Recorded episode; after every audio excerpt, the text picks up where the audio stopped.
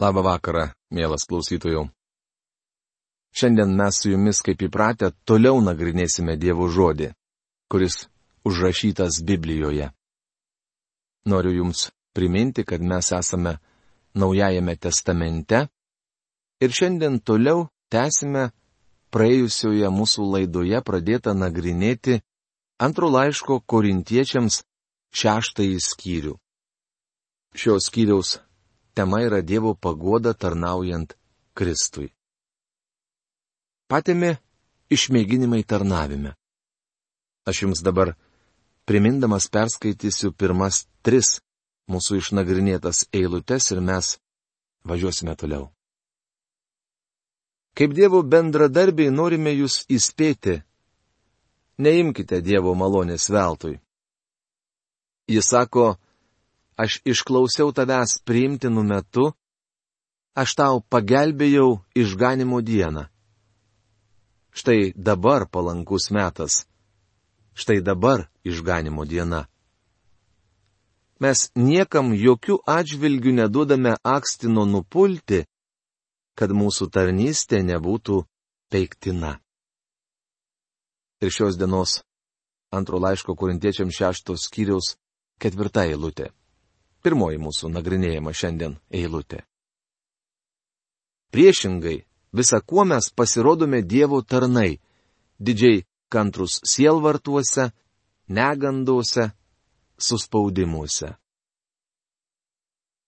Didžiai kantrus. Tai pirmoji savybė Pauliaus pateikiamame sąraše. Patikėkit, jau pirmuoju smūgiu aš išverčiamas iš koto. Labai atvirai prisipažinsiu, jog man visuomet trūko kantrybės. Žmona ir artimiausi draugai man sako, Vernonai magi, jei tu kada pamokslausi apie kantrybę ir aš tuo metu sėdėsiu salėje, atsistosiu ir išeisiu, nes nemanau, kad tau dėrėtų apie tai kalbėti. Taigi ir dabar aš nešnekėsiu apie kantrybę. Tik noriu kad pastebėtumėte, jog ši savybė sąraše paminėta pirmoji. Sielvartuose. Daugeliui tarnautojų šiandien vis dar tenka kesti sielvartą. Neganduose arba, kaip verčia Kostas burbulys, sunkumuose. Žmonės išgyvenę depresiją ar gimę neturtingoje šeimoje supranta, ką tai reiškia. Vaikystėje būdavo dienų, kai mes gyvenome be dolerio kišenėje. Būtume badavę, jei maisto prekių pardavėjas nebūtų leidęs mums pirkti skolon. Dažnai mano vakarienė būdavo tik stiklinė saldaus pieno, į kurią primesdavau sudžiuvusios bandelės trupinių. Bet žinot, aš vis dar manau, jog tai skanu skaniau negu daugelis prancūziškų konditerinių gaminių, kurių man teko ragauti. Daktaras Haris Ironsidas pasakoja, jog kitados, būdamas jaunas pamokslininkas, vienoje vietoje pamokslavo tris dienas ir visą tą laiką burnoje neturėjo nei kasnio. Šis vyras skelbė Dievo žodį žmonėms, kurie mane, jog jis gyvas tikėjimu. Ir leido jam taip gyventi. Niekas nedavė jam pinigų maistui.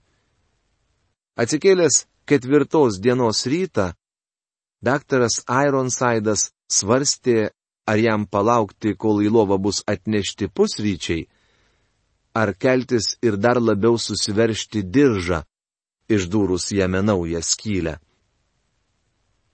bet štai pastebėjo laišką, kurį kažkas jam buvo įkišęs pro durų apačią. Jis atsikėlė, paėmė laišką ir atplėšė. Vokė rado dešimt dolerių ir raštelį. Tai krikščioniškos bendrystės išraiška. Taryta daktaras Ironsidas nuėjo į miestą ir užsisakė geriausius pusryčius, kokius tik kada nors buvo valgęs. Sielvartose neganduose, suspaudimuose. Šiandien daugelis žmonių žino, ką tai reiškia. Tačiau jaunajai kartai šie dalykai nepažįstami. Tai ir skiria kartas.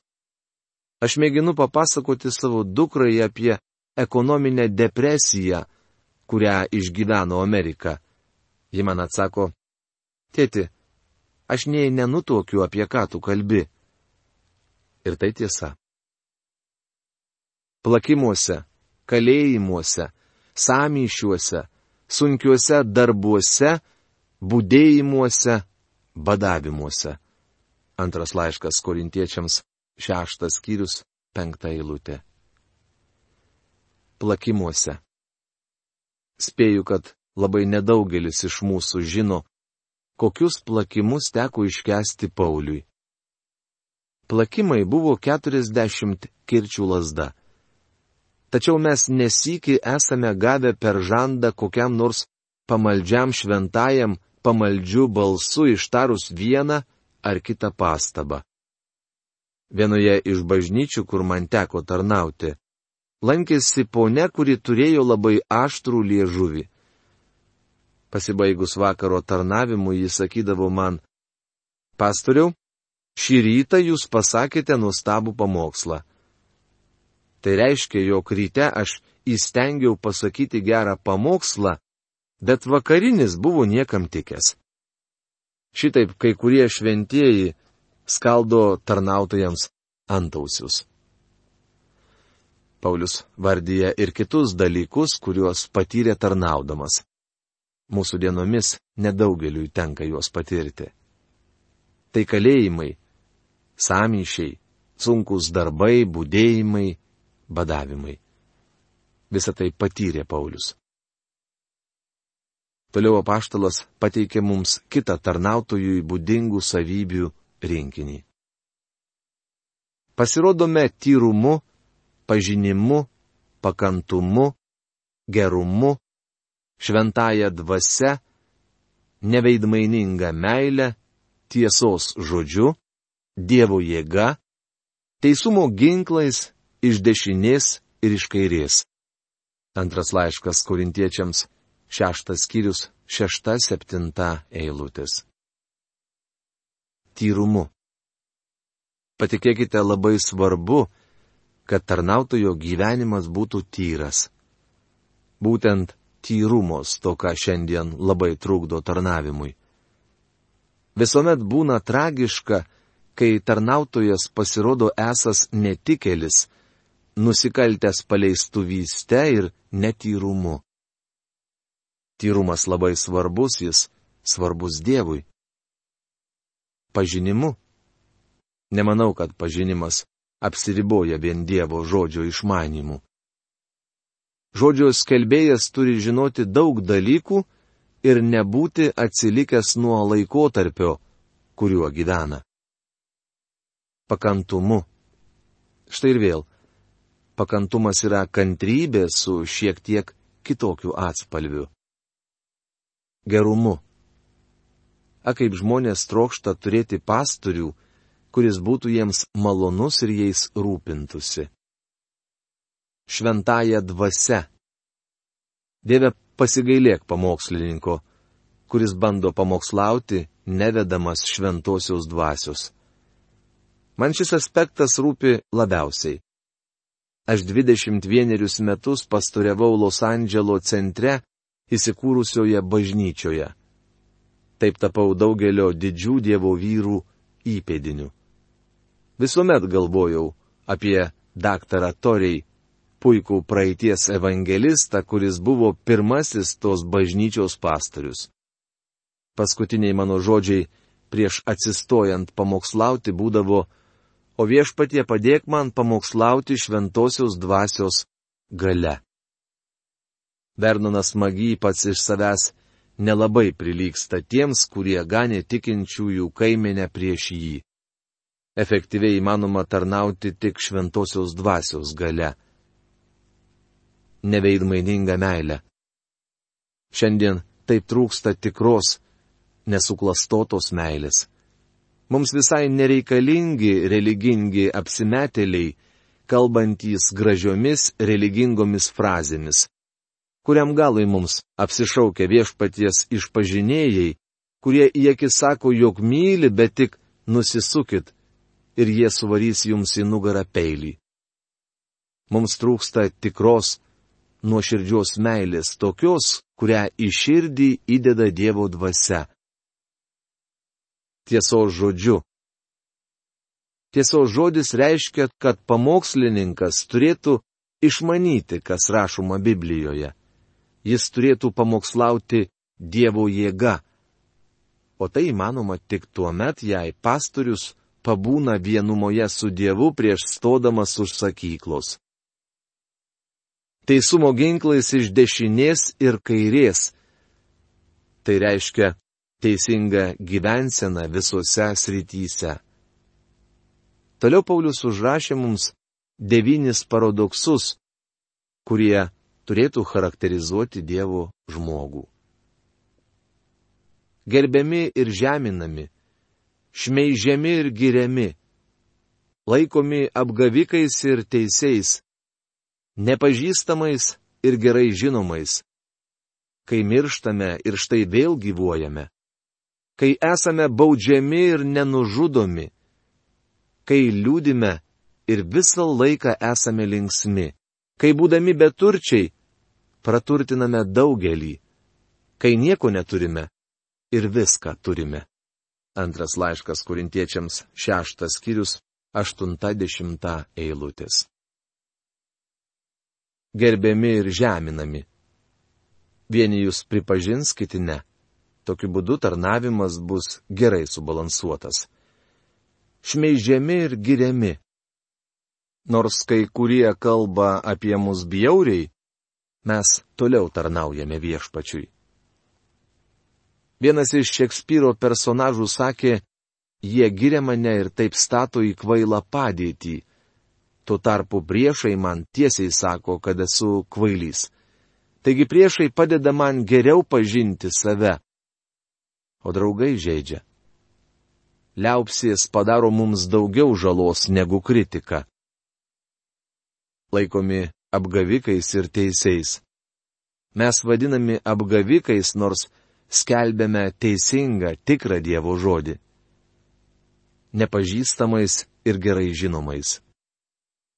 Dievo tarnautojas galbūt nebus gerai žinomas pasauliui, tačiau jį žino Dievas. Kai mirštame ir štai vėl gyvuojame. Kitados Paulius buvo miręs, bet Kristuje įgyjo naują gyvenimą. Kai esame baudžiami, ir nenužudomi. Apaštalas buvo dažnai persikiojamas, mušamas, plakamas, apsvaidomas akmenimis ir visgi išlikdavo gyvas. Kai liūdime ir visą laiką esame linksmi. Paulius liūdėjo dėl žmonių nuodėmių ir dėl to, kad jie atmeta Evangeliją, tačiau džiūgavo Kristuje kai būdami beturčiai, praturtiname daugelį. Jei sutiksite turtingą tarnautoją, saugokitės jo. Žmonės neturėtų lopti iš tarnystės. Kai nieko neturime ir viską turime. Prisiminkite, kad savo pirmame laiške korintiečiams Paulius sakė, jog viskas yra jų. Ar pasaulis, ar gyvenimas, ar mirtis, ar dabartis, ar ateitis. Viskas jūsų. Bet jūs patys Kristaus. O Kristus Dievo. Taigi mes turtingi. Ir visgi esame neturtingi. Trijose aptartuose komplektuose apibūdinama tarnystė. Pastebėkite, kad pirmasis komplektas susijęs su fiziniais dalykais. Antrasis su protiniais, o trečiasis su dvasiniais. Visi trys komplektai svarbus. Pauliaus raginimas. Apaštalui nepaprastai rūpėjo naujatikiai korintiečiai. Jie buvo žindukliai krikščionys, kūdikiai Kristuje, be to kūniški, tačiau Paulius juos mylėjo. Skaitant šį ir kitą skyrių atrodo, kad jam ko neplyšta širdis. Mūsų lūpos atvirai jums prabilo, korintiečiai, mūsų širdis jums tapo erdvi. Mumise jums ne per ankšta, ankšta jūsų pačių širdyse. Tad atsimokėkite tuo pačiu, kalbu kaip vaikams, ir praplėskite savo širdis. Antras laiškas korintiečiams, šeštas skyrius, 11-13 eilutės. Paulius atveria savo plačią mylinčią širdį ir pajudina širdis tų, kurie jį myli. Įdomu, kad jis privertė subrusti ir tuos, kurie nekentė Dievo bei jo žodžių ir stengiasi pakengti tikintiesiems, mylintiems Dievą ir šventai raštą. Tai buvo ankstyvosios bažnyčios dienomis, taip yra ir šiandien. Jei esate Dievo pusėje, tai jums šitą kainuos. Prieiname svarbę šventojo rašto pastraipą. Ši atkarpa dažnai aiškinama klaidingai ir piktnaudiškai. Kai kurie bando padaryti ją kietą, atšiaurę ir nemeilę. Tačiau čia Paulius kalba iš minkšto širdies apaštalo širdis ko neplyšta dėl didelio susirūpinimo, kurį jis jautė Korinto tikintiesiems. Nevilkite svetimo jungo su netikinčiaisiais. Kasgi bendra tarp teisumo ir nuodėmės? Arba kas bendra tarp šviesos ir tamsos? Antras laiškas korintiečiams, šeštas skyrius, keturiolikta eilutė. Čia Paulius ragina Korinto tikinčiuosius visiškai atsiskirti nuo stabmeldystės. Jie turi atsiskirti nuo kūno nuodėmių ir pasaulietiškumo. Šiandien dažnai vartojamas terminas atsiskyrę krikščionys. Deja, daugelis išlaikančių save atsiskyrusiais yra pasaulietiškesni už visus kitus profesoriaus Algirdo Jurieno Biblijos vertime skaitytojai eilutė prasideda taip. Neįsikinkykite į nelygų jungą su netikinčiais. Senojo testamento laikais Mozės įstatymo valdžioje esantiems žmonėms, kurie daugiausiai vertėsi žemdirbystę, Dievas įsakė nerišti į vieną kinkinį jaučio ir asilo. Matote, jautis ir asilas nėra lygus. Vienas iš jų buvo švarus, kitas ne. Čia Dievas kalba tikintiesiems ir sako, kad tikinti žmogus neturėtų būti po vienu jungu su netikinčiu. Kaip šiandien žmonės gali vilkti vieną jungą? Ogi būdami kokioje nors sąjungoje, verslo ar kitokioje partnerystėje, taip pat santokoje.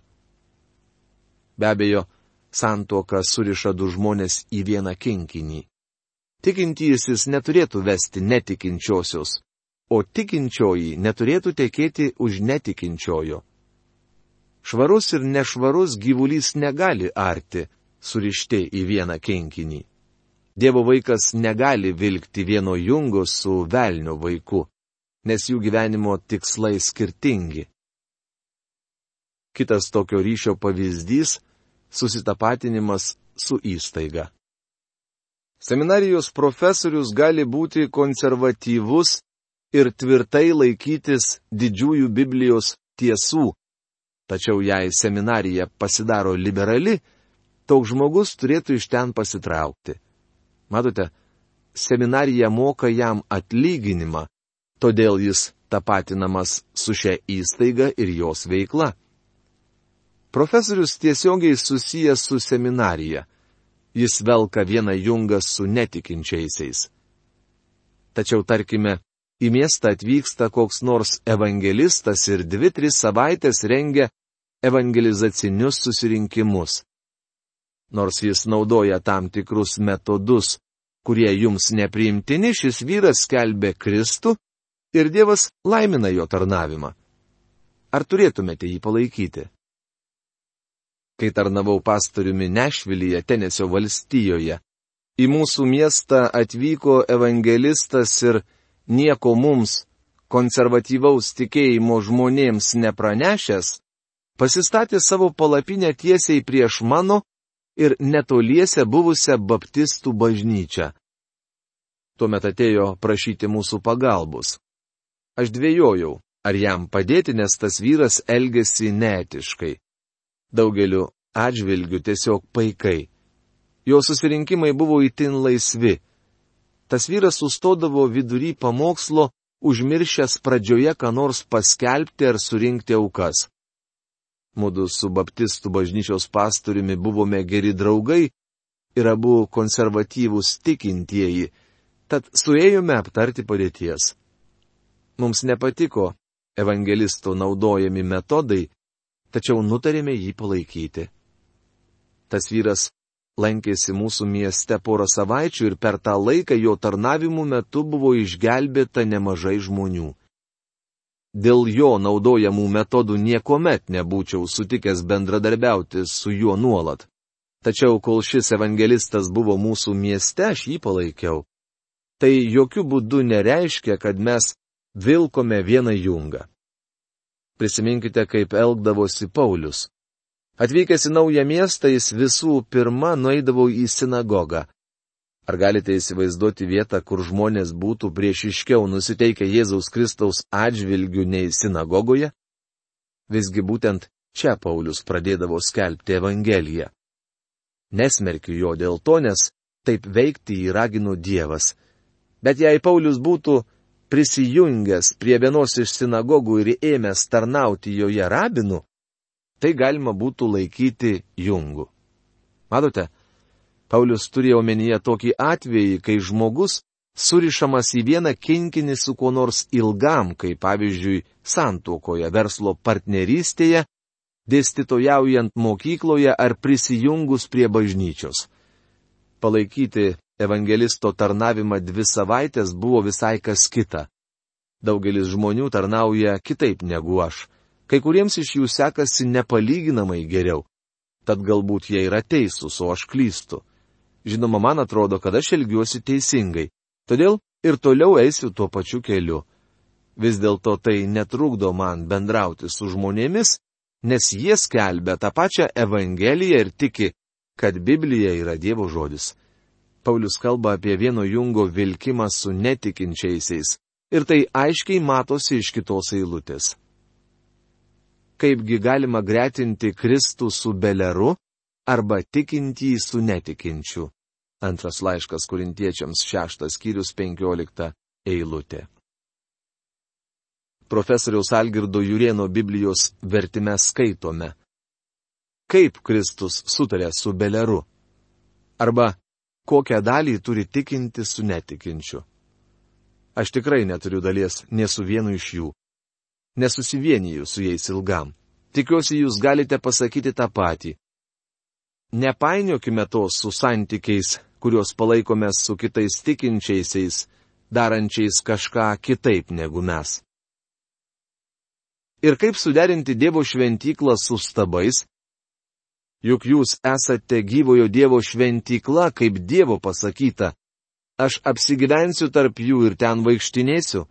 Aš būsiu jų Dievas, o jie bus manoji tauta. Antras laiškas korintiečiams, šeštas skyrius, šešiolikta eilutė. Matome, kad Paulius atskirai paminė stabmeldystę. Dievo šventikla nesuderinama su stabais. Kur yra Dievo šventikla? Šiandien jo šventikla yra kiekvieno tikinčiojo kūnas. Mes esame šventosios dvasios šventyklos.